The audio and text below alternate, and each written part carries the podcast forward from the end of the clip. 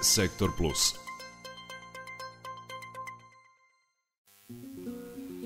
Šta je potrebno promeniti u nastavi? O tome govori današnja rubrika Sektor Plus. Plus. Dosadnjašnja praksa u nastavi da se činjenica pošto poto zapamti bez njenog razumevanja u digitalnoj eri više nije neophodna. E, zašto? Zato što su nam činjenice danas na dohvat ruke, a i sadašnje generacije nemaju iste interesovanja kao deca od pre 100 godina. Sve to kaže za Radio Novi Sad profesor Prirodno-matematičkog fakulteta u Novom Sadu Dragan Mašulović, koji je inače i autor web webinara Zašto nastavnik treba da predaje uz računar. On tvrdi da je potrebno da se školski sistem prilagodi stvarnosti i insistira na učenju razumevanja procesa, a ne učenju činjenica. Glavna promena je u problemsko-projektnoj nastavi kojom nastavnik učenika uvodi u sam proces problema i na taj način kod njega razvija kreativnost, logičko povezivanje, kritičko mišljenje. Kome je dakle u savremenoj kompjuterizovanoj nastavi lakše, đacima ili nastavnicama, nastavnicima. Odgovore na ovo pitanje potražila je Biljana Kuriš u razgovoru sa profesorom Draganom Mašulovićem.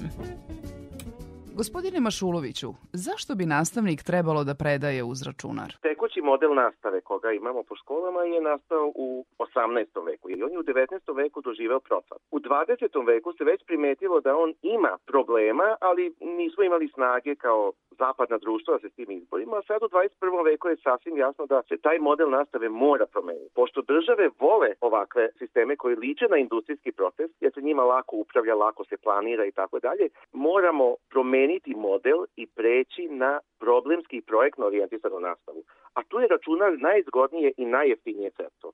Znači da se učenik odmah ubaci u problem, da rešava problem i da kroz proces rešavanja problema nauči ono što želimo da ga naučimo. A kako primeniti nove metode nastave i učenja uz računar i navedite nam neki primer. Ja se zalažem za gerilski pristup. Prosto mislim da nemamo vremena da čekamo da država prepozna problem i nađe sistemsko rešenje u okviru postojećeg sistema koji nije tragičan. Mislim, on ima svoje probleme koje želimo da popravimo.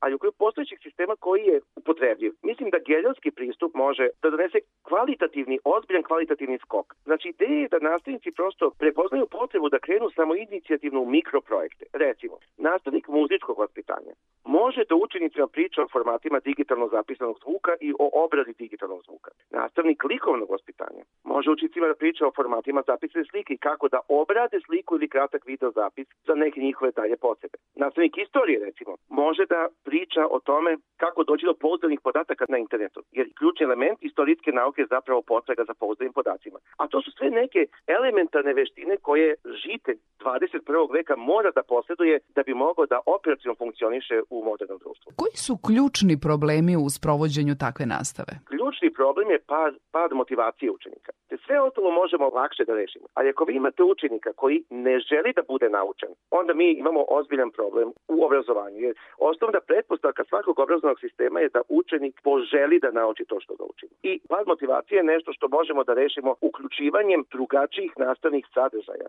Vidite, klasičan model nastave koga mi imamo, razredno časovna nastava, je nastao u 18. veku, vreme enciklopedista, kada je činjenica bila osnov znanja. Danas osnov znanja više nije činjenica. Činjenice imate na dohvat ruke, imate činjenice u čepu, na telefonu. Danas je osnov znanja proces. Mi moramo promeniti fokus obrazovnog sistema da se sa činjeničnog znanja preusmerimo na razumevanje procesa. Time će činjenice biti dohvatljive svakom čoveku u 21. veka. I to je ono što smo zapravo pokušali kroz taj webinar da predložimo nastavnicima, da se sa činjenica pređe na razumevanje procesa, objašnjavanje procesa i u nadi da će na taj način učenici biti motivisaniji da koristeći svoje omiljeno oruđe za razovnotu zapravo otvore svoj um prema onome što želimo da im saopštimo. Čini se da do sadašnje pitanje šta u učenju zamenjujemo pitanjima kako i zašto. Naravno, to je ključna stvar. Danas su činjenice široko dostupne, možete ih nabaviti za tren oka vrlo jeftino i vrlo brzo. Stvara kao novi izazov je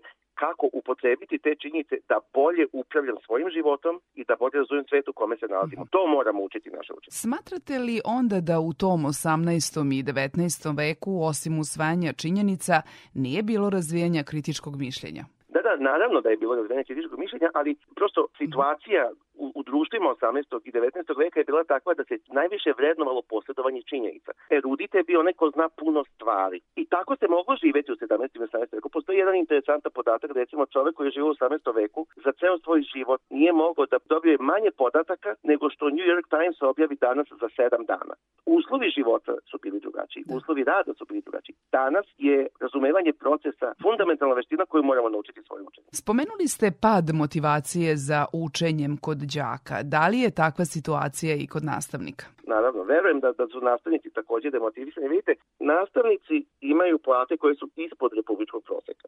Slabo plaćen nastavnik kada dođe u učionicu u kojoj se nalazi jedna grupa slabo motivisanih učenika, treba biti vrlo snažan karakter i ostati vedra čela i pozitivno motivisan. Ima puno problema u padu motivacije nastavnika. Ostali elementi u sistemu treba da pomognu nastavnicima svežim idejama i da im pokažemo da neko brine o nastavnicima. Nastavnici se takođe osjećaju sami i napušteni. Treba ljudima ponuditi nove ideje, nove pristupe, od kojih će oni moći da proberu ono što veruju da će moći da se primjeni u njihovoj situaciji i da na osnovu toga naprave nove sadržaje koje će motivisati učenika. Ako uspemo da zatvorimo taj krug, prosto dobit ćemo jednu pozitivnu povratnu spregu koja će podići nivo motivisanosti i nastavnika i učenika i na taj način podići kvalitet obrazovnog procesa. A koliko su škole pripremljene za osavremenjavanje nastave?